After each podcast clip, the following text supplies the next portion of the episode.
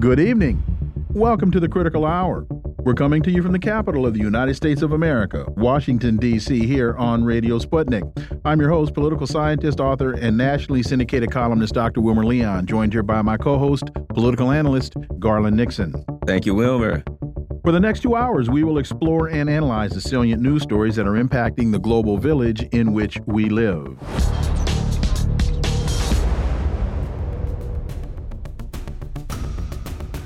Global Times reports Xi meets world leaders in Beijing as BRF kicks off. China's massive diplomatic event attracts global attention. Chinese President Xi Jinping met with world leaders who became who came for the third Belt and Road Forum for International Cooperation, or the BRF, in Beijing yesterday. And more and more heads of state, government leaders, and officials, as well as leaders of international organizations, have arrived in China's capital city, marking I'm sorry, making the BRF the most attractive and anticipated international event at the moment. For insight into this, let's turn to our first guest. He's a writer and professor of East Asian and Global History at New Mexico State University, Dr. Ken Hammond. As always, Ken, welcome back. Hey, thanks for having me here. So, Chinese analysts said that by actively participating in the China proposed Belt and Road Initiative, members of international community are giving their vote of confidence to China's economic strength, political influence, and credibility to guide global recovery and help the world to overcome its challenges. Yesterday, Xi met with leaders including Indonesian President Joko Widodo, uh, Kazakh President Kassym Jomart, Tokayev, Hungarian President, uh, Prime Minister Viktor Orban, Chilean President uh, Gabriel Boric, Serbian President uh, Vucic, Uzbek President uh, Shavkat Mirziyoyev, uh, Ethiopian Prime Minister Ahmed, and Papua New Guinean President Marape. Dr. Hammond, it seems very ironic that the BRF is taking place as the most attractive and anticipated international event for peace, economic growth, and stability. And President Biden is traversing the Middle East, fanning the flames of war. It's it's a pretty grim uh, contrast. You know, the, the the Belt and Road Forum. This is the third time this is uh, this gathering has taken place, and by far uh, the largest uh, version of it you know, bringing together as that as that list you just uh, went through suggests uh, indicates, you know, uh, uh countries from Asia, from Africa, from Latin America, people all around the world who have been taking part in the Belt and Road Initiative. Uh, you know, uh, this ongoing effort, spearheaded by China, but involving many, many countries, to develop new forms of, of infrastructure and trade and communication, investment, development you know, in this very positive uh, spirit, uh, what the Chinese like to call a win-win uh, situation or or a future of shared prosperity. There's a variety of ways in which you know that gets referred to, and as you say, the the contrast with the United States right now, which is not only continuing to pursue its its proxy war in uh, Ukraine, but now is uh, you know continuing to pour resources, four billion dollars a year, into the Israeli military, which is conducting these these genocidal campaigns against Palestinian people. It's it's a shocking contrast, and it just highlights the degree to which the United States, how shall we say, just doesn't play a very constructive role in global affairs. You know, one of the things um, that I saw yesterday, and I thought this was interesting, particularly in light of this conversation, was there's a um, a, a, very old and highly respected um, university in the Middle East that released a statement that said Muslim countries need to turn away from the West for business, etc. So it was, I wouldn't call it a relig religious edict per se, but more like an intellectual you know, release saying, look, this is, we got to go in another direction here. This isn't working for us. And I think that at the same time that President Xi and President Biden are meeting, you know, what does that tell us about this new world order, uh, Ken? Well, I think it tells us that, that, that deep changes are taking place in in global relations and in, in you know in this sort of geopolitical situation on the planet, and that uh, and boy, we know they're desperately needed. Uh, to address, you know, not only issues these these immediate issues of of war and and and aggression by by Israel or the conflict in Ukraine or or things going on in other parts of the world as well, the threats against uh, the new government in Niger in West Africa. Uh, you know, the, the lingering aftermath of, of both European colonialism and the ongoing efforts of the United States to maintain its imperialist hegemony around the world. These are these are severe threats to to people, you know, in, in widely scattered locations. Plus, we're facing, you know, this massive existential threat of climate change, global warming, and you know what's important about about things like the Belt and Road Initiative, things like the the you know the alliances that are that have developed and are being deepened between Russia and China, between the BRICS countries, things like this, is that these are countries that are trying to get out from under American domination, get out from under this perpetuation of a system designed to enrich the West and impoverish everybody else, and to create circumstances in which countries can come together, cooperate, collaborate, in trying to solve these problems like global warming. China's playing a leading role in that, but many other countries are making you know sincere efforts, uh, strong efforts to to address these issues, while the United States just you know eh, can do almost nothing except focus on trying to throw its military weight around and perpetuate its power. Sputnik uh, International reports Putin says China's plan on Ukraine could be basis for peace settlement. Quote, well, we know, naturally, the proposals of our Chinese friends. We highly value these proposals. I believe that they are quite realistic. In any case, they could be the basis for peace agreements. Putin said this in an interview on uh, China Central Television. What I find most again ironic about this statement is uh, whether it was uh, Foreign Secretary Lavrov or one of the other uh, government spokespersons for the Russian Federation has said a number of times we can't trust, we can no longer trust the United States. But here, President Putin is saying, I trust China. So if folks are scratching their heads wondering about how to bring an end to the Ukraine conflict or uh, what is going to have to take place in order for this to get settled, well, there was a 12 point plan that was presented by China. We also know that Zelensky was ready to sign on the dotted line last April, and the United States intervened in that and said, under no circumstances uh, will will we back any settlement. And we know, of course, the United States folded on the um, previous agreement that was brokered by by uh, what's her name it, from Germany, Angela Merkel. Angela Merkel. So it really seems as though the U.S. does not want peace.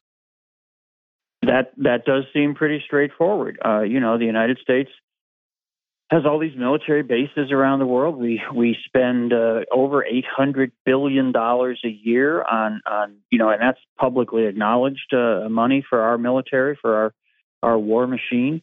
Uh, you know, we have the greatest. Uh, we have a, a you know that budget is is greater than the next nine countries combined. Uh, you know, it's it's just a situation in which the U.S. relies upon military force. It relies upon its its brute military power to to you know enforce, to intimidate, uh, to you know to control countries, uh, smaller countries that that just don't have the kinds of resources to mobilize. Uh, and don't want to, you know, devote their resources to warfare. They want to be, how you know, trying to help out and enrich their people. So yeah, you know, it's a it's a sad thing. China, by contrast, as you say, you know, not only did we have China putting out the 12 point peace plan about Ukraine last February, but you know, China brokered an agreement to, to try to get a better relationship between Saudi Arabia and Iran. China has put forward uh, very clear statements on the situation in Palestine right now, calling for a ceasefire and negotiations. You know, the idea, uh, you know, that the United States has that that we're not going to negotiate, we're not going to allow Ukraine to negotiate for itself, um, is just, I mean, of course, it's hypocritical, but it's also it's reckless and dangerous, and it just shows that, as you say, there's there's just no commitment to trying to to reach for peace, uh, but instead it's just It's just you know military intimidation and and aggression uh, as the as the go to as the as the number one option in addressing any kind of uh, any kind of conflict. You know, you mentioned China negotiating the the uh, rapprochement between Saudi Arabia and Iran, and now Tony Blinken goes to Saudi Arabia, fanning the flames of the Palestinian conflict. I'm sorry, goes to the Middle East, and Saudi Arabia makes Blinken wait overnight for the meeting, and Saudi Arabia now seems to be siding with Iran on the conflict. That says to me that the Saudis and the Iranians trust China, not the United States. Am I making too much of that?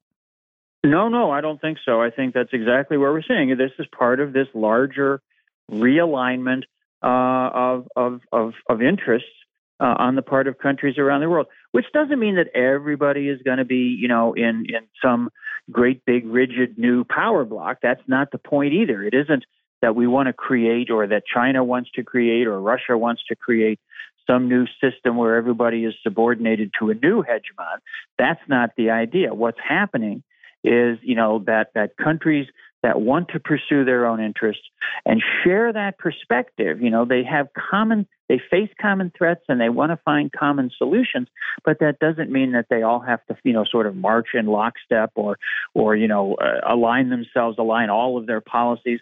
There's no, there's no, you know, imposed conformity on these countries. So when Saudi Arabia and Iran can, you know, can have a convergence of interests in this situation, I think that just reflects these these deeper, as I say, structural realignments that are that are ongoing. Well, let me throw this at you, Ken. I think also what we see is this is the real battle rather than blocks. The rules based international order, which is arbitrary application of the law, versus um, international law, the UN, which is rule of law. Rule of law versus arbitrary application of the law, whether it's um, the Palestinian situation, et cetera. Russia, China, et cetera, are saying we have international law, international precedents, we have resolutions that have been passed. Let's go by these. And the U.S. is saying, oh, right now Israel's fighting. Let's just do them whatever they want to and help them out, and, and we'll worry about that later. So that's what it seems to be arbitrary application of the law versus rule of law. Your thoughts? Well, I think that's very clear. You know, the United States just vetoed in the Security Council a resolution that that you know had been approved by everybody else, uh, basically calling for the creation of a humanitarian corridor to try to get assistance to uh, to the people in Gaza. And the United States vetoed that resolution. It's not a resolution, you know, calling for the destruction of Israel or something like that. It's a resolution calling for humanitarian assistance to the people of Gaza who are being, you know, virtually exterminated by these Israeli policies. And the U.S. vetoes that. And I think that that's a reflection of, you know, this this sort of unilateralist you know you're either with us or against us and and even if we're you know we're going to we're to impose our will and as you say it's it's the arbitrary application of of our rules the rules based international order who made the rules the united states you know and who enforces the rules the united states rather than a collective international body like the united nations which has rules and regulations and guidelines and all this you know, but the United States, you know, still retains this capacity left over from, you know, 80 years ago, from the end of World War II, to veto uh, these kinds of uh, these kinds of actions, these kinds of resolutions. And I think it's shameful, and I think that uh, you know people people around the world see what the United States actually does. And I think that uh, that there's a growing recognition that the United States is is not the friend of, uh, of working people, ordinary people, uh, either at home or abroad. To your point regarding trying to create a humanitarian corridor to provide humanitarian assistance to those that are being victimized in Gaza, one could argue that the approach that's being taken uh, by the settler colony called Israel is collective punishment. And I believe that the Geneva Convention, Article 33, says that collective punishment is a war crime. So the international body saying we need a corridor here because there are innocent people that are being tortured and and and and uh, ethnically cleansed, and for the United States to veto that, I think speaks volumes uh, uh, about you know humanity. I'll just I'll just say that. Ken, Ken, Ken I'm so disgusted. Ken, Ken Hammond. Yeah, no, I, I mean, I certainly agree. It, it makes the it makes the United States a, a collaborator in those war crimes. It makes the United States, uh, you know, certainly share that responsibility. The IDF wouldn't have the military capability that it has. It wouldn't have been able to carry on the the relentless brutalization and intimidation and exploitation of Palestinian people that has gone on in Israel for decades without the billions and billions and billions of dollars that the United States pours into the IDF every year, uh, and has, you know, again for decades. The U.S. has has facilitated uh, uh, the the Israeli uh, aggression against uh, the Palestinian people, and continues to do so, and and is, you know, takes basically a, a take no prisoners kind of approach here, uh, and and is is even unwilling to to allow this this humanitarian aid uh, to go in. While, of course, you know, mouthing all these liberal and and uh, and and you know, the, shedding all these crocodile tears, but actually, when it comes down to doing things, you know, we have to watch what they do and not what they say. Mm -hmm. This is a very clear example of that. Dr. Ken Hammond, as always, thank you so much for your time. Greatly, greatly appreciate that analysis. We look forward to having you back. Always glad to be here. Folks, you're listening to the Critical Hour on Radio Sputnik. I'm Wilmer Leon, joined here by my co host, Garland Nixon. There's more on the other side. Stay tuned.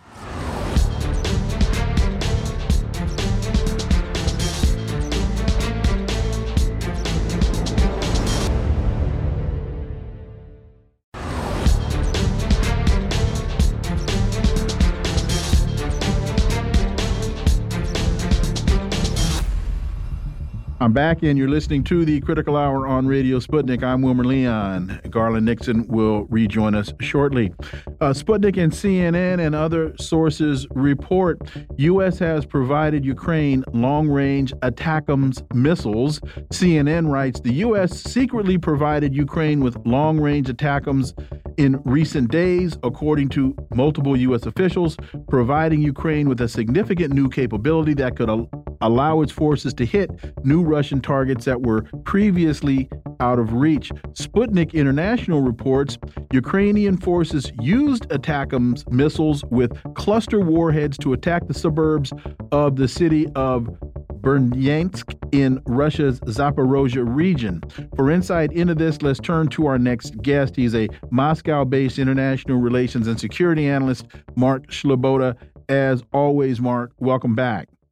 Dr. Leon, thanks for having me. It's always an honor and a pleasure to be on the critical hour.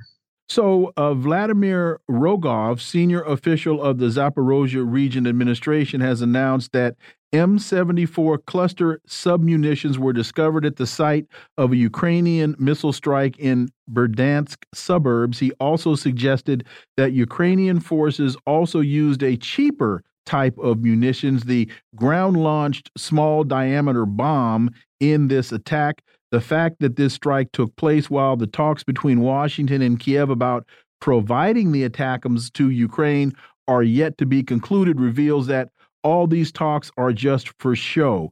Your thoughts, Mark Sleboda? Okay. I mean, uh, first of all, it was pretty clear from announcements from Washington that the ATACMS was going to be sent, even what ty- type was going to be sent. That it was a uh, older model of the ATACMS uh, missile with uh, a cluster munition warhead instead of a normal high explosive uh, warhead.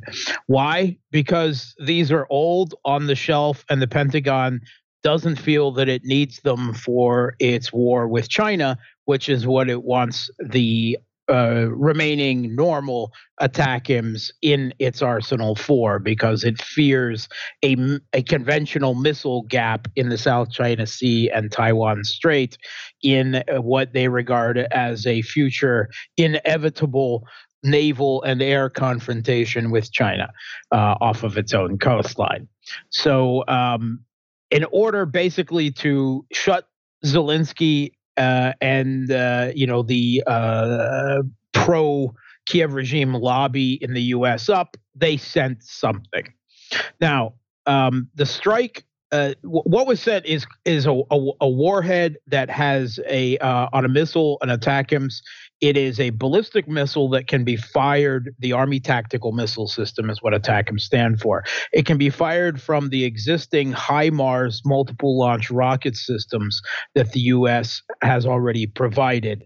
Uh, to the Kiev regime. The missiles they've been using so far only have a range of 56 miles. This new old style ATACMS. Um, it is not a guided missile. Uh, it is not guided by GPS. It has an old inertial uh, uh, system, uh, which uh, means it is potentially much less accurate. It also uh, means that it, it w- cannot be ele- jammed by electronic warfare because it's got no GPS signal to jam.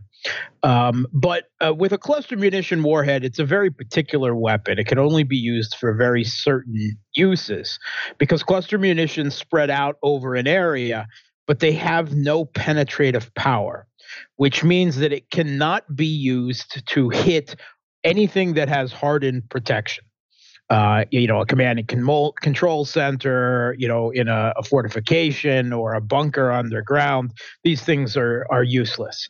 Uh, so it, has very limited utility. What it was used for to hit two Russian airfields, one in the south in Berdyansk. Uh, in the Zaporozhye region, and one in the east, uh, in the east outside of Lugansk. Um, that it falls within what it can be used for. Uh, because stupidly, uh, whoever is in charge of these airfields left some aviation, in this case, some nine helicopters, outside of protected shelters. And if there's one thing that should have been learned from both sides in this war right now, is that if you don't uh, aren't immediately using aviation, then it should be in protected shelters or it is a target. And why they thought this was safe, I have no idea. It was already announced that the ATACMS is coming. And what's more, this is the range is well within the range of, say, the storm shadows that have already been provided, uh, several long range uh, drones, and some older type of repurposed air defense missiles like the S 200 that the Kiev regime has been using uh, in the conflict. Uh, so, why these helicopters weren't in protected shelters uh, is a question that Russian military blogosphere is is screaming about. It is not a crippling loss. Russia uh, has over uh, a hundred of the Ka-52 helicopters uh, in its inventory, but it's not insignificant either. It's almost a year's worth of production of the Ka-52s. they got ten of them last year, assuming that all nine of these these aircraft are Ka 52 uh, attack helicopter gunships, uh, which is not necessarily true, but let's assume that it is. And then that's a year's worth of, of production at last year's production rates. Uh, they also supposedly hit an arms depot. Okay, arms depots are hit in this conflict every day, um, and uh, possibly an air defense missile launcher. Um, but that's it. Um, and we know that the Kiev regime fired 18 of these missiles. They say so. 18. So you fire 18 missiles and you hit nine helicopters and an arms depot. That's actually not an incredibly successful accomplishment with with these missiles. Um, and from what I've heard, about half of them were taken down by Russian air defense. And and what got through is what did that damage. And again, it's damage that could have very easily been avoided uh, with with the type of, of cluster munition warhead that was used uh, if the helicopters had been properly stored and, and protected, but they weren't. Um, now, what's even more interesting is the U.S. announced that they were only going to send a small number of these missiles, right? Again, they're just making a show. Uh, it, this is a token. Now, according to the New York Times, in the last 24 hours, their sources say that the Biden administration sent 20 of them. 20. Mm-hmm. And they fired 18, which means they, they got two they left. Got two left.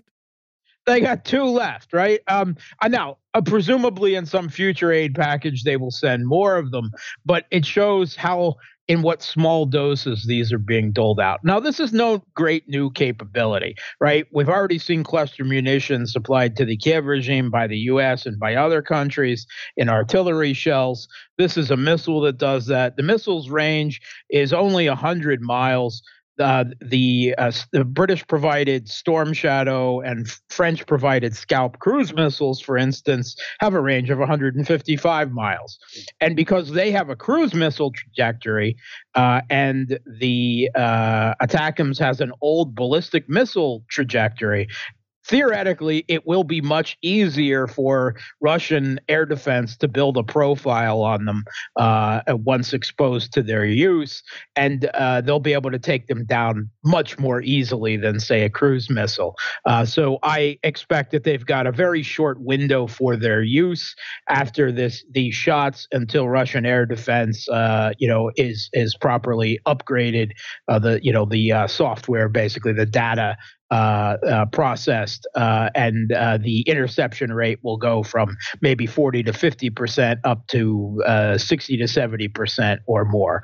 Uh, so this is certainly no game changer, and the small amount that's sent, and the fact that it's these old systems with a limited range and a warhead that is uh, very particular in its usability, uh, says to me that this was a token effort by the U.S. and it's certainly not going to change anything strategically on the battlefield, even if the Kiev regime gets to to crow uh, for uh, a couple days about destroying nine Russian helicopters, which you know they shouldn't have been destroyed, and it is not an insignificant loss, but it's certainly not going to change the course of this conflict. So, and, and that was going to be my next question. In, in the CNN piece, it says the U.S. decided to send them quietly because they wanted to take the Russians by surprise. So, to your point, this is not a game changer, and it really sounds as though it benefits Lockheed Martin a whole lot more, or Raytheon, whoever makes the thing. It benefits them a whole lot more than it does Kiev. Yeah, I mean, it, it, takes some old things off the shelf that the Pentagon weren't planning on using. My point for anything. Yeah, I, I don't think they'll be ordering any more of these. Although the, they they are probably maxing out more modern ATACMS orders as as fast as as Raytheon can make them. And I have to say, I find it very hard to believe that Russia was supply, uh, surprised by these missiles. Routinely, when the U.S. announces they're going to send something, it has already been delivered. Mm-hmm. I mean, mm-hmm. that's nothing new. So, and and Russia has intelligence. Uh, it, it's simply that these airfields were had aviation out in the open when they never should have been, and somebody's head should probably roll for that. TASS reports Putin and Xi have three hours of talks discuss Ukraine and Middle East According to the Russian leader, the meeting included the entire bilateral agenda, a lot of issues there. It's the economy, finance, political interaction, and joint work on international platforms.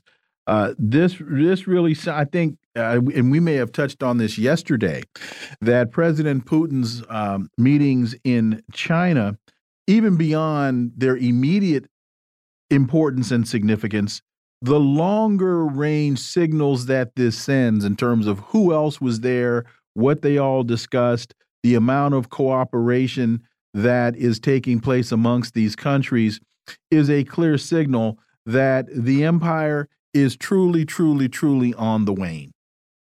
Yeah, I, I, think there's definitely something to this. Um, eh, you know, Russia and China and and uh, a number of other um, uh, rising world powers and BRICS and the Shanghai Cooperation Organization are talking a lot about the development of a multipolar world order to replace the quote unquote rules based order. We make the rules, we give the orders of of U.S. led Western global hegemony. Um, and but uh, if there's there's two countries that are at you know the lead of this effort. It is russia and china. And if there's one country that has the population and the sheer economic power by some measures exceeding that of the united states it is china. So as much as there is a uh, China centric alternative world order forming. It was meeting in Beijing for this Belt and Road Forum Summit. Uh, it is the 10th anniversary of the launching of the Belt and Road, which is China's great infrastructure project to, to connect the world or their world, uh, shall we say, uh, together uh, in trade and you know, hopefully uh, prosperity. Uh, there was uh, there was one Western leader in an, uh, in attendance, Viktor Orban, and uh, evidently he and Putin uh, had a discussion that included the topic of Ukraine. Putin and Xi met for three hours, and they seems like they talked everything. They signed a major grain deal of Russian grain being supplied to China. They fi- they finalized the development of the uh, big power of Siberia 2 gas pipeline, which will connect Russia uh, to China through Mongolia, a second gas pipeline. And this is really actually very geostrategically important because this will draw from the pipe from the gas fields on the Yamal Peninsula. And previously, that gas was directed via Nord Stream and other pipelines to Europe. This is signaling that Russia is done with Europe uh, and will be sending that gas to China instead, will be more than happy to take it. So uh, even if Europe changes its minds in the future, oh, we really need Russian gas, our economies are suffering as a result, and our products are uncompetitive because we pay too much for energy, uh, that gas may not be available for them anymore, even if Russia was inclined uh, to you know, uh, allow them to to mend relations. Um, uh, other topics discussed were certainly um, uh, the conflict in Ukraine. Uh, as well as the new conflict uh, between uh, Israel and Palestine breaking out in Gaza the uh, on the agenda, Russian readout also mentioned strategic cooperation, uh, development was discussed, which is a code word for we talked some military stuff and no, we can't tell you about it. You're mentioning China. That just made me think about this. The United States, uh, up until about four or five days ago, had been working with the with the Saudis, hoping to um, get the, you know the Saudis and Israel to move closer together. We know that China had been responsible for the rapprochement between the Saudis and the Iranians. Now, with what's recently broken out in Gaza, the Saudis seem to be siding with Iran. And that to me shows the power of the of the discussions with China. Hopefully that wasn't too convoluted and makes sense. No, no. I, I mean, th- this is China's rapprochement that they brokered. There was some previous work done with by Oman and others, but it was China that sealed the deal. Uh, certainly, something that infuriated both Israel and the United States. Uh, long, long time adversaries, uh, Saudi Arabia and Iran, representing the, you know the leading Sunni and Shia powers in the world, uh, restoring diplomatic relations and starting talking to each other again. It doesn't mean that everything is going to be peaches and cream; they're out. But I mean, it's a huge uh, development. And uh, at the end of last week, uh, when uh, this uh, all went started to go down and Israel announced their plans for a ground operation in Gaza, there was a telephone conversation, a direct telephone conversation for the first time between the president of Iran and the the crown prince uh, of Saudi Arabia. Um, and they discussed Palestine and they shared uh, you know, their feelings on it. They were in lockstep and they condemned Israel. They condemned it any ground operation and so forth, and and called for a recognition of the Palestinian state. And this is, you know, really really unheard of. And it comes right, you know, the U.S. was very strongly pushing a deal with Saudi Arabia for a long time now. They started pushing it back in the Trump administration. They were trying to seal the deal where Saudi Arabia would recognize Israel uh, which would tantamount recognize Israel in the borders they are in now, mm-hmm. which is to say, occupying much of Palestine. Mm-hmm. Uh, there was also part of the deal was also supposed to be a security guarantee deal where uh, Saudi Arabia would basically get the same treatment as Israel uh, preferred weapons, uh, access to exclusive weapons, uh, technology transfer, intelligence, training, you know, the whole nine yards, uh, which would drastically improve Saudi's military relationship with the U.S. Because of what happened and Israel's um, completely unproportional response and it, the way it's being backed by the U.S., Saudi Arabia has announced that that normalization and security detail with with a de, uh, deal with Israel and the U.S. is now suspended indefinitely. And uh, I'm of the personal opinion that this is actually the principal reason why Hamas launched their Al Aqsa flood operation when they did to in, to incur a reaction from Israel, an mm-hmm. overreaction, mm-hmm. and to scuttle this deal because they realized that if Saudis signed this, the rest of the Arab world would follow them, and that would be tantamount to mm-hmm. disowning Palestine. And they've stopped that. And that, if that's the reason they launched it, they were very successful. Mark Sleboda, as always, thank you so much for your time. Greatly, greatly appreciate that analysis, and we look forward to having you back. Thanks for having me. Folks, you're listening to the Critical Hour on Radio Sputnik. I'm Wilmer Leon. I'm joined here by my co host, Garland Nixon. There's more on the other side. Stay tuned.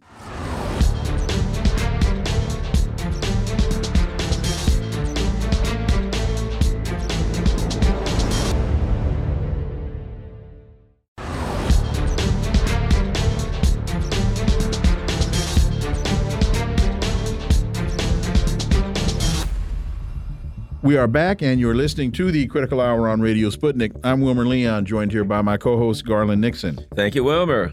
UN to consider resolution on ending U.S. blockade against Cuba. In a moment of high drama on the global stage, Bruno Rodriguez Parrilla, Cuba's foreign minister announced on social media that the UN General Assembly will consider a resolution to end the decades long U.S. blockade against Cuba. The announcement marks a significant moment in the ongoing struggle between the two nations and the wider international community. For insight into this, let's turn to our next guest. She's a Cuban solidarity activist and co chair of the National Network on Cuba, Cheryl LaBash. Cheryl, welcome to the critical hour. Well, thank you so much. Uh, I certainly agree. It is a critical hour, and I appreciate your show. Um, the article you mentioned talks about the upcoming UN vote on November 2nd, Thursday, November 2nd. The UN will vote on a resolution put forward by Cuba concern to end the U.S. blockade of Cuba. What isn't mentioned in the article and is very important is that this is the 31st time. The first such resolution was introduced in the United Nations General Assembly in 1992. And every year since then, there has been a resolution like that. And overwhelmingly, the countries of the world have voted to end the blockade. It's only been the United States and Israel that have consistently voted to maintain the blockade, except for 2015 when both of them abstained, uh, leaving a unanimous vote uh, to end the blockade. But it's not enforceable. Uh, it's not an enforceable um, resolution. It is a statement of the body with impassioned uh, comments from all around the world of how Cuba has really been a beacon of peace, a beacon of improving healthcare and the lives of people uh, everywhere. As Cuba says, uh, humanity is our homeland, uh, using the words of Marti. It doesn't stop at the border of Cuba, at the end of the Cuban island but in fact, they view all of humanity as part of their uh, international duty. You know, uh, one thing uh, you had mentioned earlier about um, the particular time we find ourselves in with the violence going on in the Middle East, and how this is uh, it, it's important that the resolution come come forward at this time. And there's a discussion right now. What is the tie, um, the link between the the violence going on right now in the Middle East and the um, what what's the the blockade against Cuba? Well, my personal view is that the settler colonial Israeli state could not exist for a moment without the United States. That basically U.S. imperialism is behind the oppression of the Palestinians uh, and the terrible genocide that is being unleashed against the people of Gaza. Um, the fact that there is a U.S. warship off the coast threatening that, uh, in fact, today, President Biden is said to be in Israel or going to Israel today or tomorrow, um, really shows that the United States is completely invested in this genocidal policy.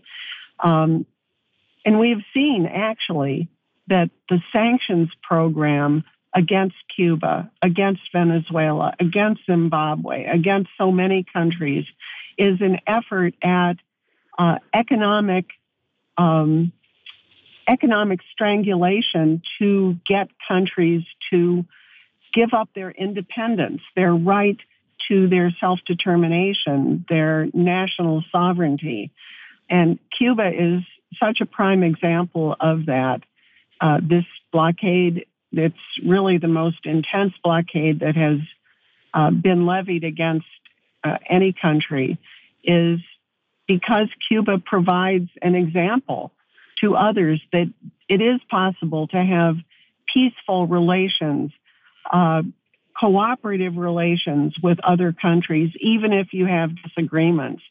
But the United States government is determined to undo the the Cuban Revolution, the gains that they've made in healthcare, in medicines, uh, the fact that they were able to uh, create three viable vaccines against COVID and vaccinate their whole population and defeat the pandemic domestically, as well as helping other countries with, with medical brigades, that medicines to um, prevent diabetic foot ulcer amputations um, that we can't access uh, here in the United States because of the blockade. There's so many, um, so so many uh, aspects of it that affect us here and also affect the world. And we have a unique possibility in this period of crisis to push very hard for the U.S. government to take Cuba off the list of state sponsors of terrorism. Um, it's been exposed that this list is a unilateral list. It is something that the U.S. government uses the scare tactic of of using terrorism um, to try to get public support for it. But what it does is it makes it impossible for countries that are on this list to do any trade internationally because banks and other um, actually multinational corporations become afraid to do business with any country that's on the list. So Cuba can't buy spare parts for um, even the the few that are allowed uh, are having difficulty with humanitarian uh, aid from international humanitarian uh, organizations. And in many ways, are the people are being damaged by that. And Biden can write a simple memo and send it to Congress and say, we are removing Cuba from that list. That is all that is required. So we have the possibility of a victory in this short window. Covert Action magazine has a piece Cuba played a crucial role in the demise of apartheid while the CIA helped uphold it for decades. Between 1975 and 1991, Cuba embarked on a remarkable internationalist mission known as Operacion Carlota this mission was undertaken to defend Angola's newly found independence from an invasion by apartheid era South Africa. It played a pivotal role in the broader African anti colonial and national liberation struggles. Over 400,000 Cubans participated in various capacities, including soldiers, doctors, teachers, engineers, and construction workers, with more than 2,000 making the ultimate sacrifice. Uh, your thoughts? Well, certainly that is a, a stellar moment, and it's an it's also a moment where Cuba may have been given some opportunities to re- have some rapprochement with the United States, but Cuba chose the principal path, path of answering the call of Angola, whose new independence was being threatened. And it was at the request of Angola that uh, that the newly liberated Angolan government that Cuba did put all of those resources. Cuba is a very small country. It has a very small economy. And for them to unite, uh, and as Fidel Castro has said, that they were paying uh, a debt um, because there, Cuba is uh, a country with African roots through the uh, criminal slave trade uh, that financed European and U.S. capitalism. Um, and Fidel's view was that Cuba had a debt uh, to the people of Africa, that they were an African country as well, and so committed uh, to helping to defeat apartheid. And by the way, one of the similarities that I that I see with what is happening now in Palestine, in occupied Palestine, is the defeat of the illusion of white supremacy being infallible and undefeatable. When Cuba defeated South Africa in Cuito Cuanavale, it, uh, you know, South Africa and the white apartheid regime there, the white supremacists had said basically we're we're undefeatable and there's nothing that can stop us. But the fact of the matter is, Cuba, together with the Angolan and Namibian people, uh, showed that that was not true. And the same thing is happening now in uh, in occupied Palestine. Uh, and you know what what Israel is is doing uh, since their military was shown to be vulnerable uh, is is genocidal, though, and uh, we uh, we really uh, think that it the outcry needs to continue to stop the genocide against the, the uh, Palestinian people. it is it, you know, as Jewish Voices for Peace said, we, um, you know, the the cry of after the um, the genocide uh, during World War II in in Germany at the Nazi uh, concentration camps, the call was never again. And Jewish Voices for Peace is calling out and saying, we said never again, but that never again is happening right now in what Israel is doing against the Palestinian people in Gaza. So um, it's it's time for a new order on many many levels, uh, diplomatically, militarily, economically, uh, and it it needs to start now before we have a third world war. I mean, we thought it was coming after Ukraine. And now this is another uh, example that certainly has the potential of a wider war as everyone in the world is outraged at what's happening now uh, that what what Israel is doing. Cheryl, what's interesting here also is that you know the countries that, according to the Biden and the neocons, the authoritarian countries, are saying Let's do this through international law. The UN already had a plan for how to deal with the Palestinian, a Palestinian state, no discrimination, blah, blah, blah. So Russia, China, Cuba, the so called authoritarian, et cetera, are saying, Let's utilize the UN.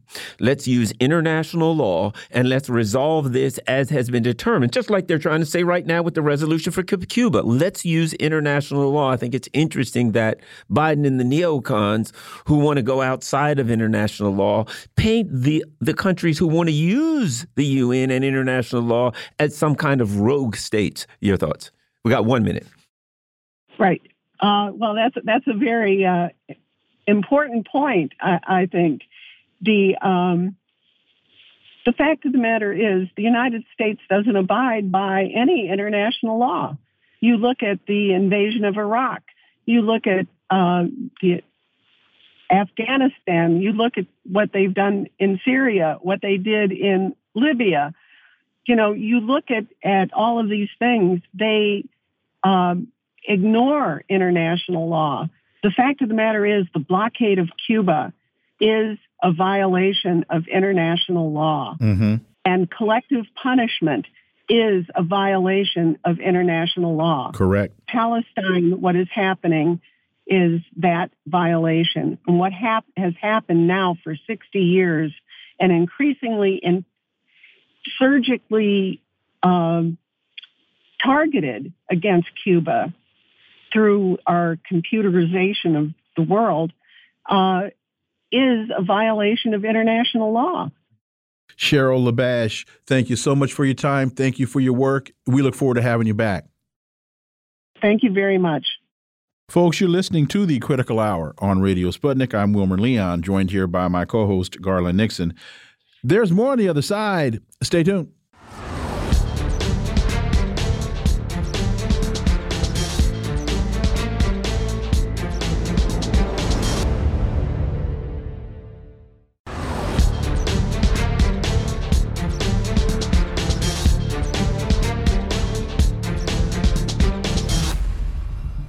We are back, and you're listening to the Critical Hour on Radio Sputnik. I'm Wilmer Leon, joined here by my co host, Garland Nixon. Thank you, Wilmer. Al Mayadeen English reports Biden visit to Israel raises fears of intense escalation in the region.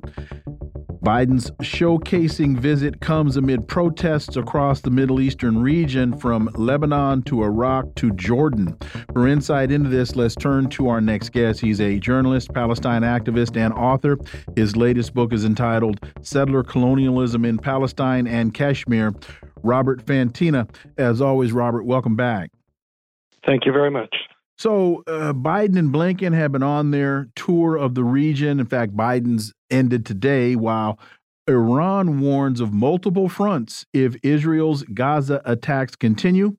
Iran's foreign minister spoke after his whirlwind tour of allies in the region. He uh, posted an ominous tweet today that time is running out for Israel.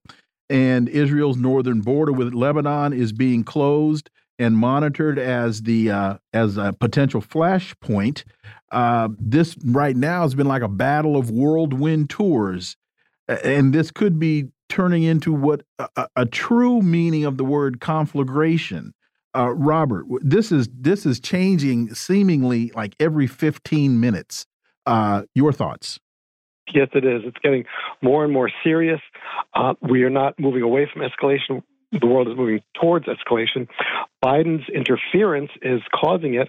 He's telling Iran and Lebanon not to interfere in the Middle East, yet he is interfering in the Middle East.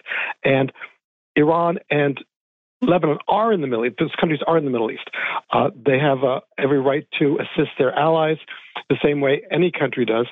Uh, but Biden is uh, fanning the flames of war. He is doing nothing to uh, to prevent war, nothing to prevent genocide, nothing to prevent uh, these other countries from assisting the Palestinian people. He is probably fearful that uh, Syria, Lebanon, and Iran attacking uh, Israel would call, would force him, Biden, to send ground troops. We're talking about World War III. This is not going to be a, a, a simple little conflict. It's not now.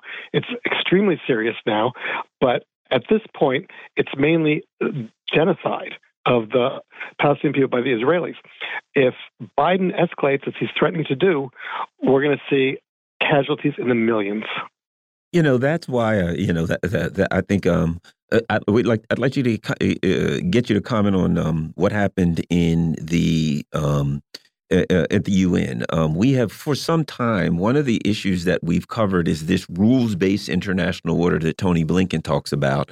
As and again, as examples, Russia, China, etc.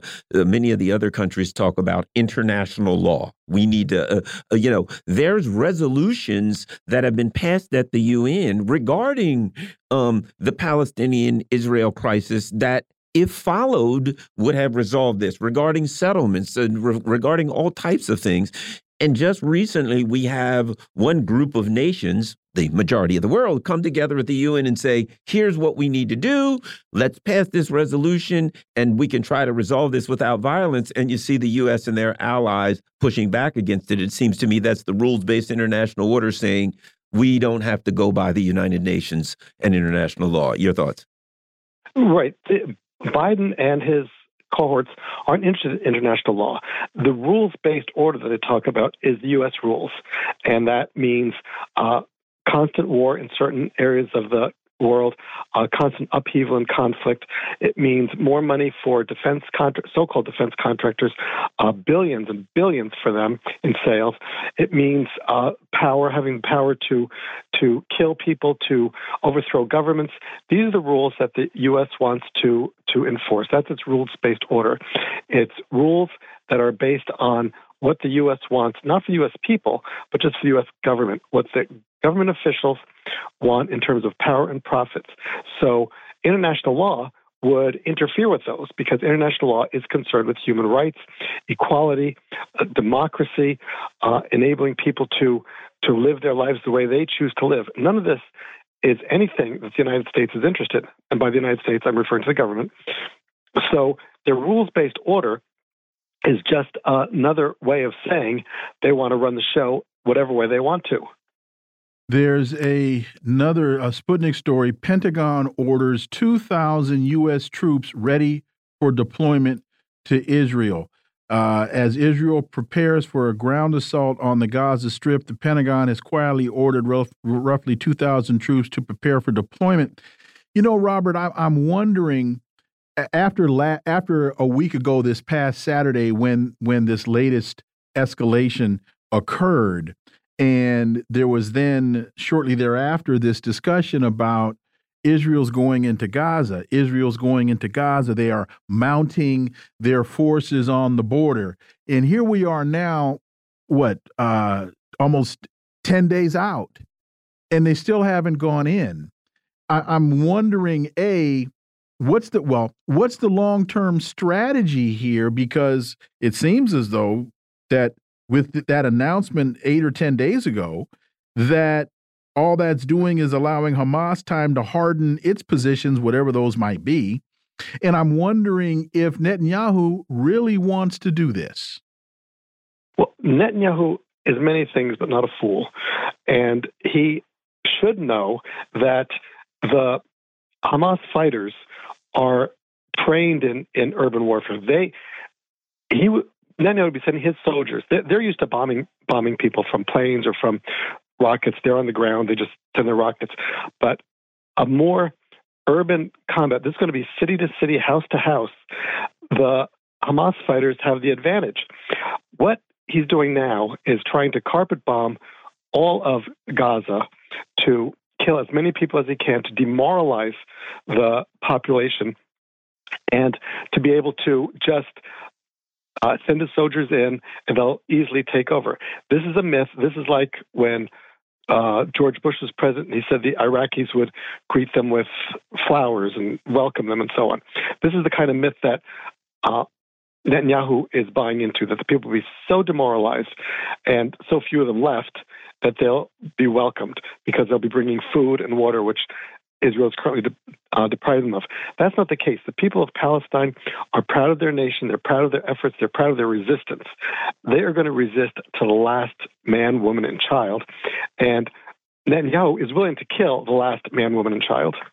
You know, Robert, what I fear is, uh, you know, not just a broader war, but a civil, civilizational war. I don't know if the U.S. leaders, if the Israelis um, see that as a possibility. I see that as a possibility. I want to find out, you, you know, wherein the governments, even in the Middle East, don't have the power to stop it because basically they'd be overthrown. When the people in the Middle East are so outraged that their governments that no one can stop them from acting, and at that point, there's no future of peace for Israel because they would be, you know, uh, maybe attacked in the region. There could potentially be governments saying we're not going to sell oil to the U.S. or the West. I mean, kind of extraordinary things potentially could happen that may not be foreseen. And that's my concern. Your thoughts on that, Robert? I agree. And one of the things, in addition to those that you've mentioned, is China, if the United States decides to uh, invade and get more deeply involved in this current uh, war, this current genocide, then China may decide it's a convenient time to retake Taiwan. Well, is the United States then going to fight on two fronts? Military personnel say the United States cannot do that right now. Cannot fight a war on two fronts. Who knows what's going to? Who knows how uh, Russia's going to react if the U.S. decides to to send troops into uh, to Israel to fight the Palestinian people? The, and as you said, the Palestinians have sympathy around the world. It's not it's not just through the Middle East, but around the world. In France, where uh, pro-Palestinian demonstrations were banned, they were held anyway in, in huge numbers.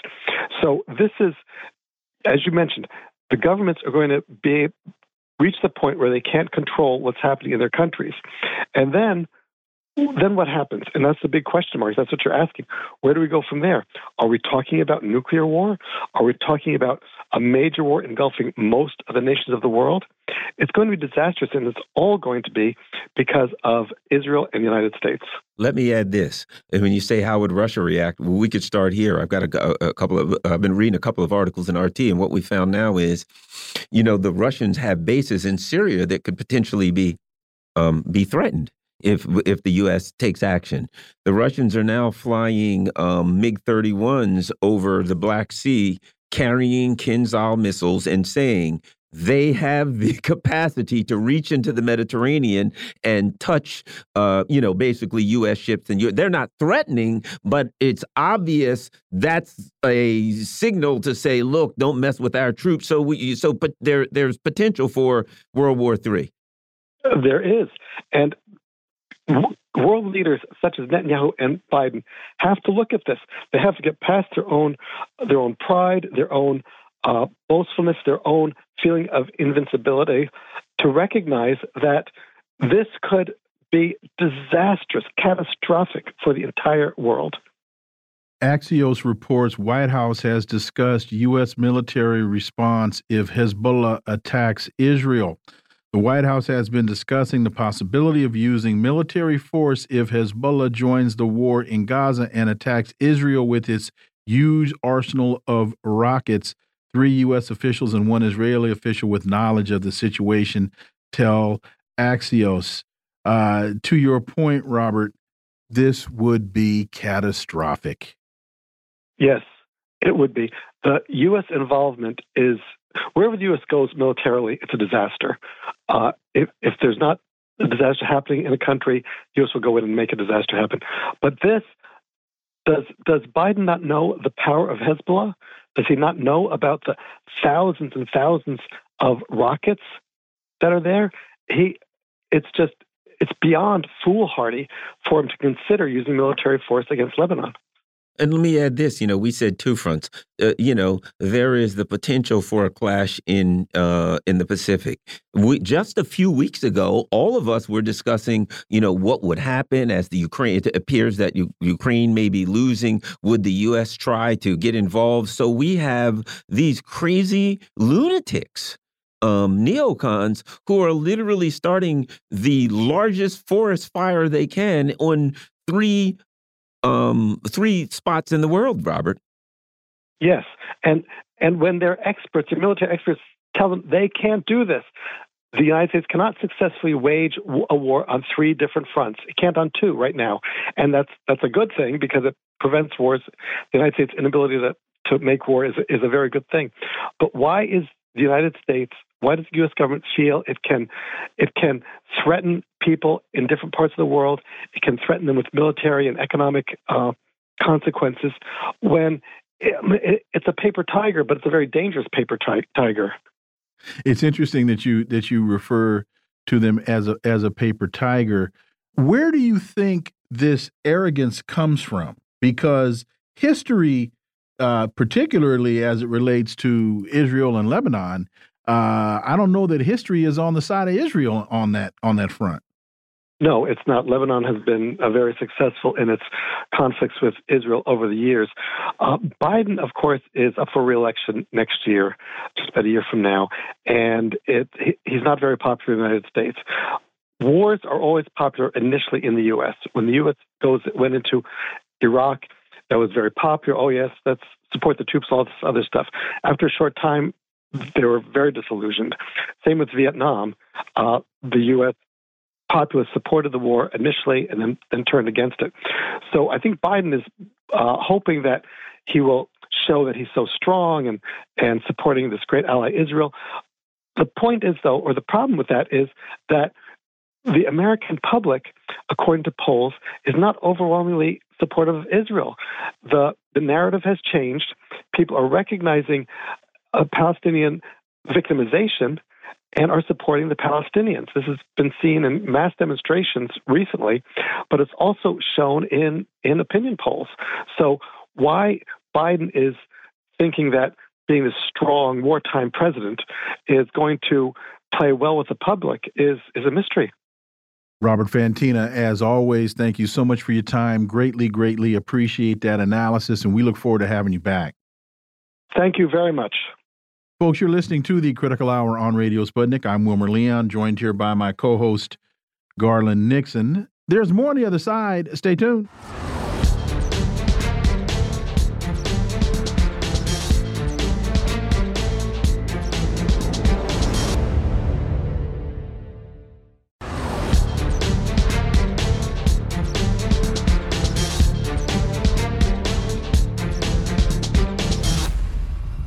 We are back, and you're listening to the Critical Hour on Radio Sputnik. I'm Wilmer Leon, joined here by my co host, Garland Nixon. Thank you, Wilmer. The American Conservative has a piece entitled No More Malarkey on Ukraine. America needs to hear from its own president, not Vladimir Zelensky, about what is going on in Ukraine. America just can't get enough of endless war, it seems. Otherwise, why would it keep getting into one of them? For insight into this, let's turn to our next guest. He's a veteran Middle East war correspondent, Elijah Magnier. Elijah, welcome back. Thank you for having me. It's good to be with you. So, uh, Peter Van Buren is the author of this piece, and he writes America just can't get enough of endless war, it seems. Otherwise, why would it keep getting into one of them? Leaving aside ancient historical examples like Korea, still ongoing, and Vietnam, result was a complete defeat of the U.S. after decades of conflict preceded by years of the U.S.'s nearly completely funding the failed French war effort there. We have the more modern examples of Iraq and Afghanistan. It's time for President Biden to explain some things to the American people. Your thoughts, Elijah? Well, obviously, there is a very uh, little war that we can remember where the Americans have won it and did not spend a fortune on these wars with a very slim outcome and uh, leaving uh, the Ukrainian President Volodymyr Zelensky to speak about what's happening in Ukraine is because the American uh, administration want to show that they're really not involved in Ukraine so much, and the call is for the Ukrainians because they are losing the war. Nobody wants to be partner with a loser, and we have seen how the counteroffensive resulted very slim results for the Ukrainian and their 50 nation allies conducting the war from Ramstein in Germany. And it is a defeat, really, for all the Western uh, countries, Europe the United States, Canada, Australia, Japan, uh, Korea, who have heavily invested over 110 to 115 billion dollars. Now, the amount is not really very significant for the Americans because they basically print money. It is significant for the Europeans, where we see the inflation is rising and we see how we have suffered dearly as a boomerang effect of this war. This is why the American administration doesn't believe that it needs to be accountable to its citizens because they, it's a kind of a club in the West where Joe Biden said it is not about Ukraine. It is about the US control of Eastern Europe it is about maintaining NATO tight altogether when it was splitting and uh, divided when the French and the German was just looking in a very skeptical way about the uh, benefit and the interest to remain in NATO. So for that, Joe Biden have succeeded in gathering together under his umbrella a very weak continent as we have today here in Europe where our economy is really degrading. The German economy, that was the fourth worldwide, is now going, I don't know on where on the scale. And we don't have energy that we're buying four times more expensive. And all that because the Americans are selling us the uh, energy four times more expensive. But they also, in the United States, have an inflation and have disregarded the interest and the benefit of the American population. And now they want to be involved in another war in with Israel. So perhaps they have more money than we know, even if the Congress is behaving completely differently, is shattered, is not united over Ukraine. And I don't know if we're going to be united over Israel and pump more money to get to uh, the Israeli. But if it does that, it means that Ukraine really become on the bottom list and the appetite to support Ukraine is really diminishing. Let me ask you this: a couple throw a couple things together. President Putin is in uh, in in China talking with President Xi. They have discussed the um, situation in the Middle Middle East and talked about the need for a Palestinian state, the the need for a resolution that is aligned with um, the the UN Charter and UN resolutions, and they seem to be, when it comes to the Middle East, it seems to me, if you remember the plan of the Biden administration, we're going to isolate Russia, we're going to isolate Vladimir Putin. It seems to me that the Russians and the Chinese are aligned with international law and looking for a resolution. And the U.S. seems to be just maybe trying to wander out of the Ukraine war and get out of that disaster. Your thoughts on that, EJ? Well, you rightly, beautifully said here. You mentioned the international laws. So, if we remember very well on the Politico, there was a memo sent to uh, Foreign Minister the Secretary of State, Rex Tillerson, uh, guiding him how to use the international law and how to use the, um, the violation of human rights only against our enemies, but not against our friends and dictators. So the international law is really relevant to the United States and all its allies. There is a possibility to violate international law, to violate human rights. The UN Charter the Rome Agreement, the, the Hague, everything, as long as you are a friend of the United States and part of this club. Now, we've seen how Russia and China are offering a completely different model than the one offered by the most powerful country in the world that has disseminated only destruction and never managed to win the heart and mind of the population wherever they go Uh, in Afghanistan, in Iraq, in Libya, in Syria, wherever they went, they disseminated war and destruction, and over one to two million people killed and wounded. So the model that China and Russia are offering, the respect of the international law, started only a few days ago when they called for a ceasefire at the United Nations and was vetoed by the Americans and the British and the French and Japan. So by doing that, it shows that they again out for uh, to kill. They again out for creating more havoc in Gaza and giving uh, a free hand to Israel, that is according to all the laws existing in all the books, is violating international law by bombing hospitals and indiscriminately killing civilians in Gaza. So, because of that, when Russia and China call for uh, the respect of international laws, this is exactly what the whole world is waiting for. And it seems that international laws cannot be generalized and implemented by all countries because without law we live in a jungle and then how we can feel safe and how we can continue on this life if we fear our neighbors and if we fear our the country next to us that is stronger is going to wage war on us or not. We're going to go and occupy it. So we can't live in a jungle and international laws should be respected by all countries without exceptions.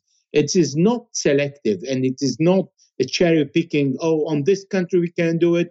Like what are you going to do with the uh, uh, with ukraine? Oh we don't accept any violation of international law and president putin must respect it and any uh, uh, lack of selling of the ukrainian grain is a war crime okay well what about the golan oh no that's important for israel security but what about cutting water and uh, electricity and food on gaza well, they need to free the hostage. So there is always a justification to violate international laws to the point they are no longer laws. If they can be violated for any excuse, each one has is good or bad in argumenting his point of view and then justify the violation of international laws. International laws are made to be respected for every single country. And when there is no respect of international law, when we go to Afghanistan without uh, the um, uh, specific respect of international laws, and we know that the Taliban were not responsible for the 9 11. And 20 years later, we give back the power to the Taliban. We go to Iraq and destroy Iraq because uh, presumably uh, the Iraqis uh, have a weapon of mass destruction. And then after that, we say, oh, sorry, we killed 1 million people, and then that's it. Well, we didn't find anything. That is a violation of international law. The international law give us the right to defend the civilians in Libya, but not to destroy Libya and render it into fail safe. International law doesn't give us any right to go and change regimes like in Syria.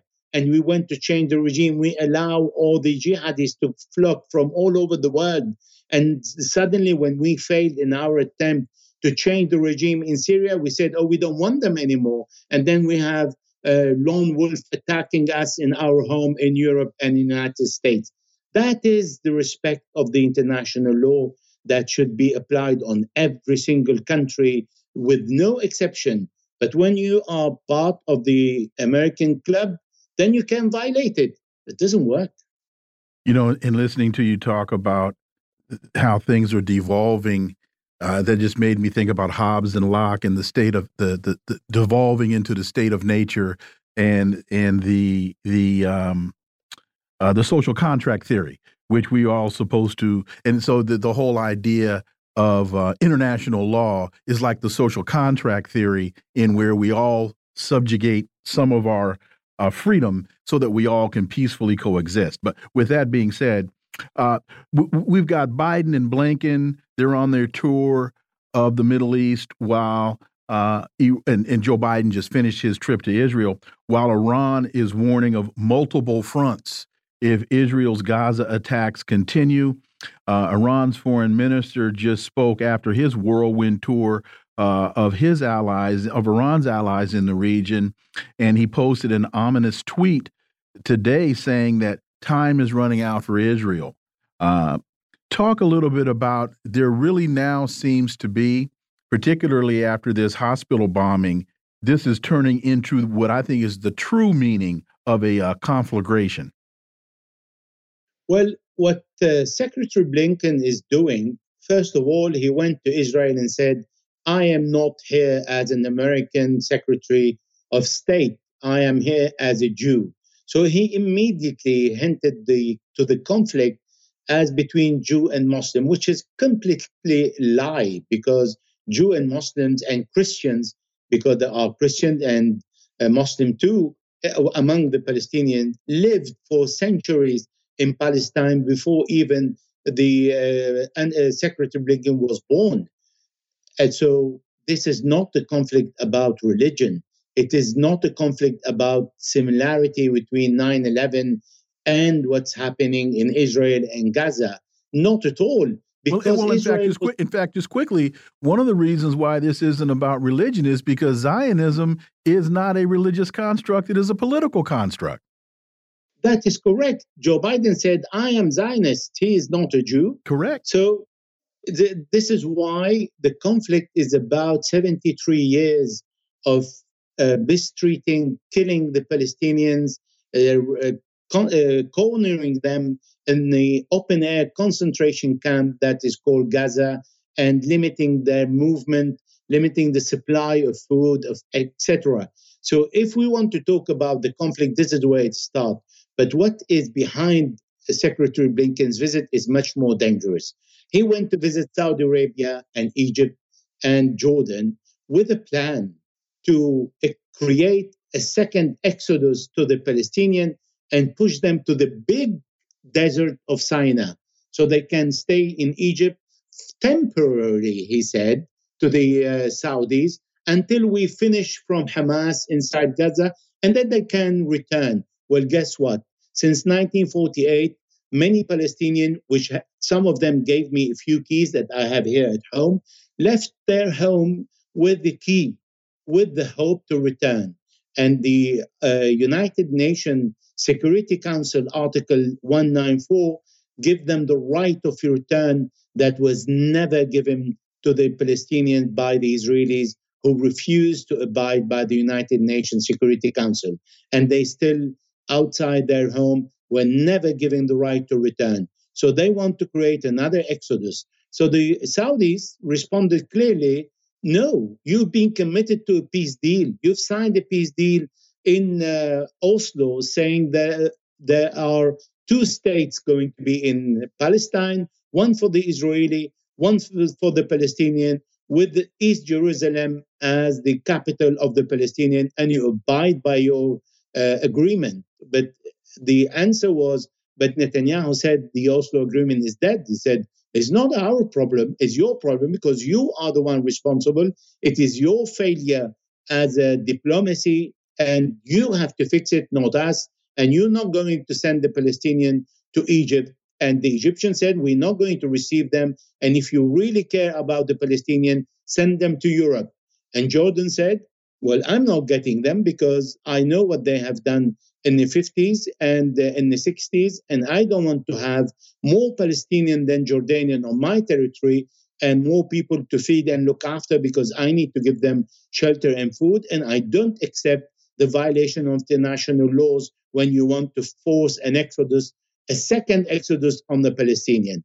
This is what the uh, Secretary uh, Blinken was advertising for, for. And when President Biden visited Israel today, is to confirm that all the might of the US forces are in front of Lebanon. There are forces stationed in Cyprus, and they are ready to interfere to attack Hezbollah the, the, the day there will be a second front uh, against you because Israel showed that it is, it is incapability to fight on two fronts. So for that is to approve and give his blessing to the ground invasion that uh, Israel is going to attack 2.3 million people in Gaza that are not Hamas. There are around 20 to 30,000 Hamas members, and the Hamas members uh, are living in Gaza among all the other people of originating from Gaza and other Palestinian villages and cities they were expelled uh, from, and they found refuge in Gaza. So what's happening now? The Israelis are saying, leave the north because this is where it seems they want to go in because it's a narrower part of Gaza and go to the south. And then they, they bomb the convoy on the road. They bomb Khan Yunis, then they bomb Rafah in the, in the south.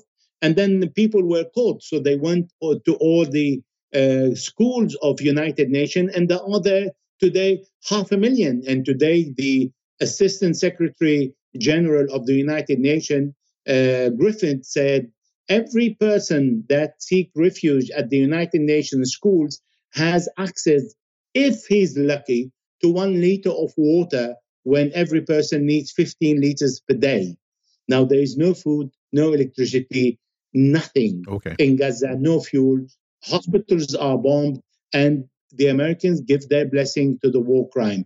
They are equally responsible as much as France, the UK, and Britain, who give their blessing with Germany uh, also to the Palestinian, to the Israelis to do what they are doing, and they are failing to find a peace deal where they impose a ceasefire and find a solution around the table. Elijah Magnier, thank you so much for your time. Greatly, greatly appreciate that analysis, and we look forward to having you back. It's my pleasure. Thank you. Folks, you're listening to the Critical Hour on Radio Sputnik. I'm Wilmer Leon, joined here by my co host, Garland Nixon. There's more on the other side. Stay tuned.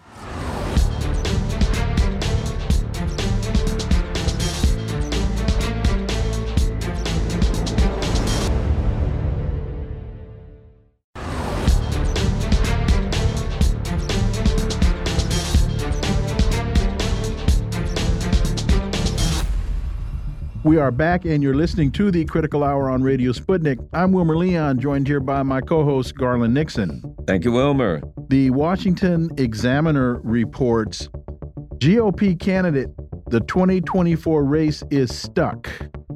GOP candidate, the 2024 race is stuck. It's, it's an extraordinary document. It emerged from the 2024 Republican presidential race this week, and it isn't getting enough attention. It's a memo from the super PAC supporting Senator Tim Scott, the Republican from South Carolina, who was once seen as a promising contender, but has recently slipped in polls both nationally and in early primary states. For insight into this, let's turn to our next guest. He's an independent journalist whose work can be found at thepolemicist.net and Counterpunch, Dr. Jim Kavanagh. As always, Jim, welcome back. Thank you for having me, as always. So, this memo was written by Rob Collins, co chief of Trust in the Mission PAC, or TIMPAC, the well funded organization supporting Scott's campaign. The memo announced the PAC was canceling millions of dollars in planned spending on TV ads this fall. The fall Republican primary is stuck, Collins wrote. Donald Trump leads a cluster of statistically tied contenders by a wide margin. Vote share of non Trump candidates trades up and down, but no campaign has achieved breakaway velocity. The fundamentals of the race remain unchanged. President Donald Trump occupies a lane by himself. Uh, what does this say to you, other than the obvious, Dr. Jim Kavanagh? Well, yeah, it is the obvious. Uh, clearly, they don't know what the heck to do about Trump. Uh, and what, what it really demonstrates is, I think, the this the disparity between what the political elites think and what they're trying to do and little games they're trying to play, and what the populace think. Clearly, the populist base of the Republican Party doesn't want anything to do with these guys. I mean, they're, they're they're kind of okay. We'll we'll look at them maybe, but really, Trump stands out uh, by a wide margin because he's seen as the anti-establishment candidate. And nothing is going to. It also demonstrates really we don't know what's going to happen in the presidential race. These guys are very smart. Uh, reading this article about you know let's not spend any money right now because we don't know what's going to happen in this presidential. We don't know what's going to happen to Trump.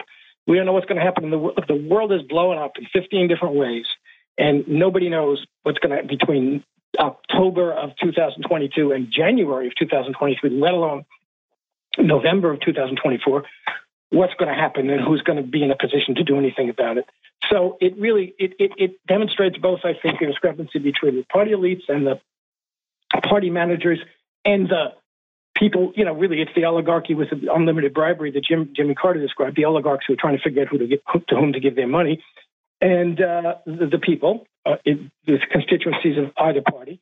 And it demonstrates, you know, how really silly it is trying to figure out what we're going to do uh, between now and November 2024. Who's going to be elected? Who's even going to be around? Yeah, hopefully it, all of us will be around, but there's no guarantee of that at this point, Jim. But um, let me ask you this. You know, one of the things that concern there are so many things that are worrying and concerning, but let's just say for the you know, there's a million charges against Trump. He's been charged with everything they can possibly find. Okay.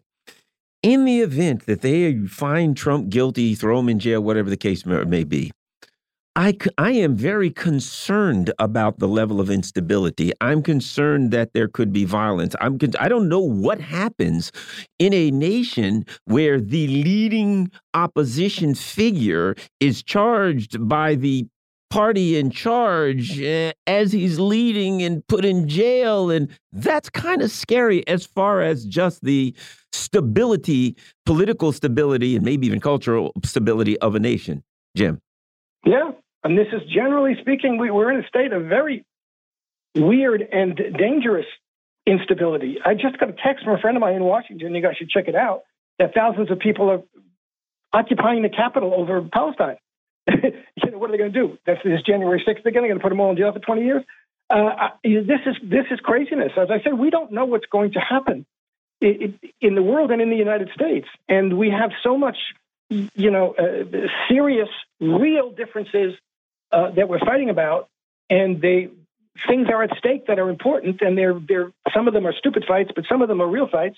And uh, you know, Donald Trump being in prison while he's the leading opposition candidate is one of those things that's gen- that could very well cause um, civil unrest. Let's put it mildly. You know, we I don't know. We're in the midst of it right now, and all over the place. It's uh, the, the, the, political situation in the United States is very chaotic, and uh, there's nobody that has a handle on it.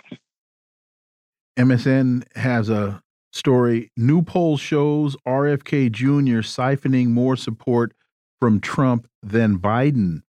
Independent presidential candidate Robert F. Kennedy's presence on the ticket could spell major trouble for former President Trump. A new poll shows Biden leading Trump 44 to 37, with Kennedy notching 16 percent. That's a that's an interesting dynamic. Uh, your thoughts, Dr. Jim Kavanagh? Yeah, well, a hell of a lot, 16 percent, and I think they showed that he'd take more. Again, it took more from Trump than, than Biden. Was it 10% from Trump? Yes. Uh, yeah.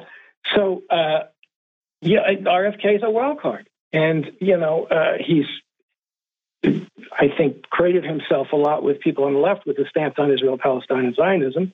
Uh, but, you know, he has, because he comes across, again, as someone who's independent, who's not part of the, he is part of the establishment, but he comes across as someone who's willing to speak the truth honestly of what he believes, and people think he's not he's not baloney, and he's not just selling out. And so, you know, he's garnering a lot of support, and you know, getting 16% would be amazing. I mean, it, would. It's like Ross Perot. And uh, but how's he going to do it? You know, in terms of the mechanics of the electoral process.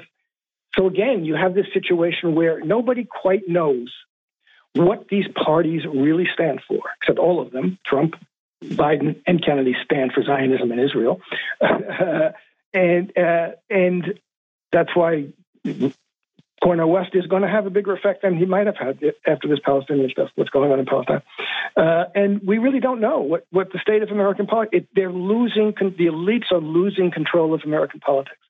Kennedy, as I've said a hundred times, is really the best vehicle by which they might be able to get control of it again. But they're, they're, they're too afraid of him. Uh, so it's very bizarre to see what's happening. And uh, as Garland says, it, we'll be lucky if any of us are around by November 2024. Uh, we're not going to see which parties are around by November 2024. Well, I know I'll be here. Interesting. Your thoughts on this? I don't think it matters. So, so right now, okay, I don't think it matters who Donald Trump selects to be his running mate. I don't think that's going to impact his numbers really one way or the other. It's Donald Trump and unless it's JFK Jr. Well, that we, we know who Joe Biden has. We don't know who Kennedy has. Good point. So when Kennedy announces his running mate, I, and I'm not even going to, other than Dr. Jim Kavanagh, I'm not going to suggest a name. If when he announces his running mate, his numbers go, I think, through the roof. One way or, or through the floor. well, no, but I, am uh, with with Dennis Kucinich as his campaign I think manager. Kucinich resigned. Uh -huh. I think I don't think. Oh, Kucinich resigned. Okay, my point is he's a fairly shrewd guy, got a fairly sharp team. I think he's going to pick somebody. They're going to look at all the dynamics and the geographics and all that kind of stuff. Uh, that could send his numbers even higher. It's going to affect things strongly. I think. You know, Hannity took him to task finally, you know, from the point of view of the Republicans for dem- you know, you're you're really a liberal, and conservatives shouldn't think that you're not a liberal, and that's true. Tulsi Gabbard. So he picks. What about Robert Kennedy Jr. and Tulsi Gabbard, or Trump? And I thought Trump could pick Tulsi Gabbard. I think I don't. Yeah, he could. I mean, Tulsi Gabbard would probably be a good pick for RFK Jr. But I don't think he's going to do it. I, and it's a good point because I can't sitting around thinking about it. I can't come up with a name that he could pick. I mean, I think Tulsi Gabbard would be smart, but I don't think he's going to do it. I don't think he trusts her, and for good reason. And uh, you know, and he knows that the person he picks is going to push him, push his image either into the liberal camp or the conservative camp, right? Mm-hmm. And so he's going to lose and gain uh, correspondingly by what he does. Tulsi Gabbard may be one of the people that's least le- least likely to be harmful in that respect. But I have no idea, and, and, and it's a very good question. At this point, who is Bobby Kennedy going to pick as a running mate, and what, what how is that going to define his campaign in another way? Uh, you know, I think he's stuck right now with this Palestine stuff. Mm-hmm. He put his position down on that, and that's defining him in a way that's going to help him with the elite, but it's going to hurt him, uh, I think, ultimately with the, the, constituencies. And what he's going to do, what else he's going to do is Tulsi Gabbard would actually support him on that, I think. So I don't know. You know, it's it's a very good question. I hadn't thought about it much, and uh, I can't come up with a name. Tulsi Gabbard is probably the best I can come up with, but I don't think he's going to do that. Well, one of the advantages advantages Trump has is this: while other people stake out a position, you know Trump. If the winds change direction in a month from now, Donald Trump's his entire position on everything would suddenly take a 180, or as uh, Annalena Baerbock would say, a 360. I guess she liked to do a little bit of a pirouette. two, um, two 180s. Yeah, exactly. There we go. um, and here's something interesting. And again, vintage Trump. Trump pledges to expel immigrants who support Hamas, ban Muslims from the U.S. And if you look on there, something that may make others uncomfortable, you know, Marxists and communists and socialists. Oh my. Trump still's got to get to the to go to crazy land, Jim. He always has to take a, a visit to crazy land, Jim. This is why you know the the Tim Pool thing is smart. Let Trump talk himself out. You know, I mean, he's going to Marxist, socialist, and fascist. So everybody's gone. Nobody's on the country. That's the way to solve the immigration problem. but, uh, and he's going to throw out everybody who's a Hamas or Hamas supporter or who supports the Palestinians. He's going to send the uh, INF or whatever it is, whatever it is now to, to demonstrations to pick up Palestinian supporters out of the, out the street and, and uh, expel them from the country. You know, uh, this is crazy land stuff, and and it's vintage Trump, and you know he doesn't know what he's talking about. He, he, he it's arrogance and ignorance, and the more you let him talk himself out, better it's going to be for everybody else. That's what the Republicans should really do. But of course, yeah, the Republicans aren't much better. So you know, they're they're all itching for war with Iran. You know, this is uh, and, and again in this situation, everybody but Cornel is on the Zionist page, and they're going to be adamantly on that until they, something happens, which may have already happened, that that kicks them or makes them back down a little. But so far, nothing has. And uh, so, you know, in that respect, uh, Trump doesn't get hurt by that, but with the elite, but with the part of his base that really wants to end wars and really wants free speech and really, you know, this is nonsense. And you know, it demonstrates that Trump is part of the swamp and is not going to drain it. We have about a minute and a half left. Jim Jordan has now failed at the second attempt to secure enough votes to be speaker, and Jim Jordan is a Trump guy. Does is that a signal of a weakness of Trump, or is that more of a signal of a weakness of Jim Jordan? I just think it's a sickness of this confusion of the Republican Party, part of which is Trump, and a large part of which is Trump. Uh, you know, there is uh, the Trump faction of the Republican Party, which is adamant, and there's the anti Trump faction of the Republican Party, which is adamant. And they both see uh, each other as a danger, as a danger, they would say, to the country, and certainly as a danger to the party. Uh, and uh, again, someone's going to have someone's going to have to give. And the, the Trumpers or the, the in the minority, but they made a deal that they consider was broken. So it's going to be very hard for anybody else to make to to claim that they're going to make a deal with them. But I don't think they have the power to put Jordan over the top by themselves unless they do make a deal. Yeah, they don't. They don't have. They don't have the power to take control, but they have the power to obstruct control. Exactly. So it's craziness, and uh, uh, good. I mean, to one extent, it, it is good. I'm glad the Republican Party and the Democratic Party are all breaking up and everything. On the other extent, you know, and, and I, there's a, a, casual way I could say I'm glad the Democrat, the party, the uh, government can't run, but of course it's not a good thing the government can't run, and they should be doing things. Although what they'd probably be doing would be something you know, Det detrimental to us all. Dr. Jim Kavanagh, as always, thank you so much for your time. Greatly, greatly appreciate that analysis. We look forward to having you back. Thank you. Folks, you're listening to the Critical Hour on Radio Sputnik. I'm Wilmer Leon, joined here by my co host, Garland Nixon. There's more on the other side. Stay tuned.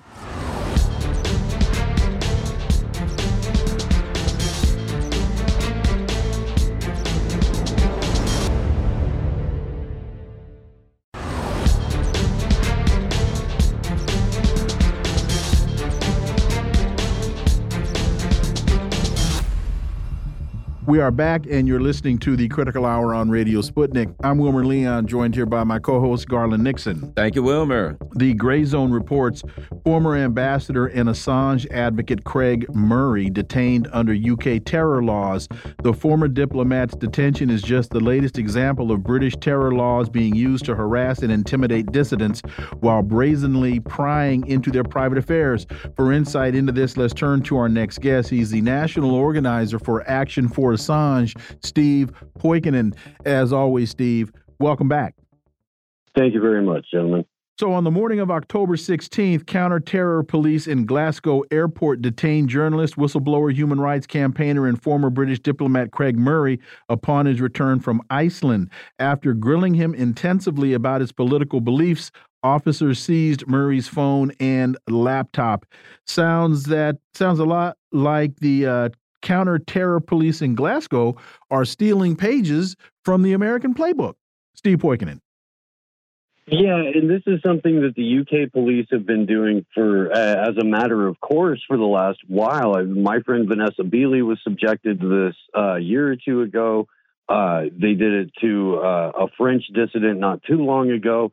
Now, anyone who's made a living, a career, being one of the few people uh, brave enough to speak outside of the narrative are being harassed and intimidated every time they travel and everywhere they go. It, it's a voracious crackdown uh, on the truth, and it's worrisome. Well, and it's particularly worrisome when you look at what happened to uh, with Craig um, Craig Murray in that he was um, not only harassed in the past, he's been taken to court, he's been convicted, he's been, uh, uh, you know, imprisoned. I mean, there it's obviously that you know they've got their eyes on this guy, and now they figured out we don't have to arrest you, we can just bring you in, harass you for a while, and let you go. Kind of like you know what it reminds me of. What is that? The um, no fly list or whatever where they don't necessarily stop you from flying a plane. The watch list. The watch list, but which, they which I am on. Right eh, there we go. Which it takes hours to get on the plane. You miss your flight or whatever. So it's it's a harassment rather than you know we don't have to arrest you, but we can make your life a living hell. Steve. Well, and they know that they can throw you in prison on a trumped up charge like Craig Murray was for this thing called breadcrumbing that we don't have time to go into today. Craig Murray is attached to and was questioned about his attachment to the campaign to release Julian Assange. There's that famous Stratfor email that says that they want to not only target Julian, but everybody that's associated with them and go after their livelihoods and their finances. So this is just a public policy at this point being acted out in front of everyone to the outcry of far too few. So, what do you see being on the horizon for Julian Assange at this point? Do do you expect that uh, he will be extradited, or do you is there some other tactic that is going to be employed, and even possibly by the United States to keep him in Belmarsh? Because I think I don't think that the position here has changed. The United States really doesn't want him on American soil. No, they don't. And so they're going to do whatever legal chicanery or dragging out of the process is humanly possible to get us through another election cycle. Then it'll become somebody else's problem. At which point, I legitimately think if they can't if they can't get Julian to just up and die in prison, then the next move is a slow extradition back to Australia, where uh, the, whatever eventual government will then have to figure out what level of house arrest he'll have to live out for the rest of his days. Also, John Kiriakou has written a great article called A Victimizer's Memorial um, in which he talks about a war memorial that's being planned for uh, the 9 11 era. Well, the 9 11 era was basically the war on terror when we just uh, blew a lot of people up and killed millions of, uh, of um, innocent Muslims and droned people, and we had a, a death list for Tuesday. That's nothing to celebrate, uh, uh, Steve. And basically, the as far as I know, the war on terror is still ongoing. I've never heard anybody say, well, we won it or uh, because if they did that, now then it becomes even more difficult to get money funded for this. So and um, for for this so-called war on terror. But we're re uh, we're re-entering the global war on terror right now in the Mid East. We've got a carrier group parked right outside of the Gaza Strip. We're we're doing it again. The band's getting back together. It's been 20 years. So what better way to kick it off than memorializing the global war on terror uh, uh, part one. And I think that if they're running a contest for what the memorial should look like, it should maybe be just a giant pig that every every 16 minutes or so 16 to 20 minutes to reflect the amount of time obama and trump were dropping drones uh like some fireworks go off or a hand reaches out and it just grabs money out of a passerby's pocket Maybe maybe that's what the memorial should be. This is ridiculous, but I do think it's a it's because we're getting back into the continuation of the global war on terror in the Middle East. You know, I I, I interviewed Gore Vidal uh, years ago, and I remember him saying, "What sense is the war on terror? It makes even less sense uh, than the war on dandruff."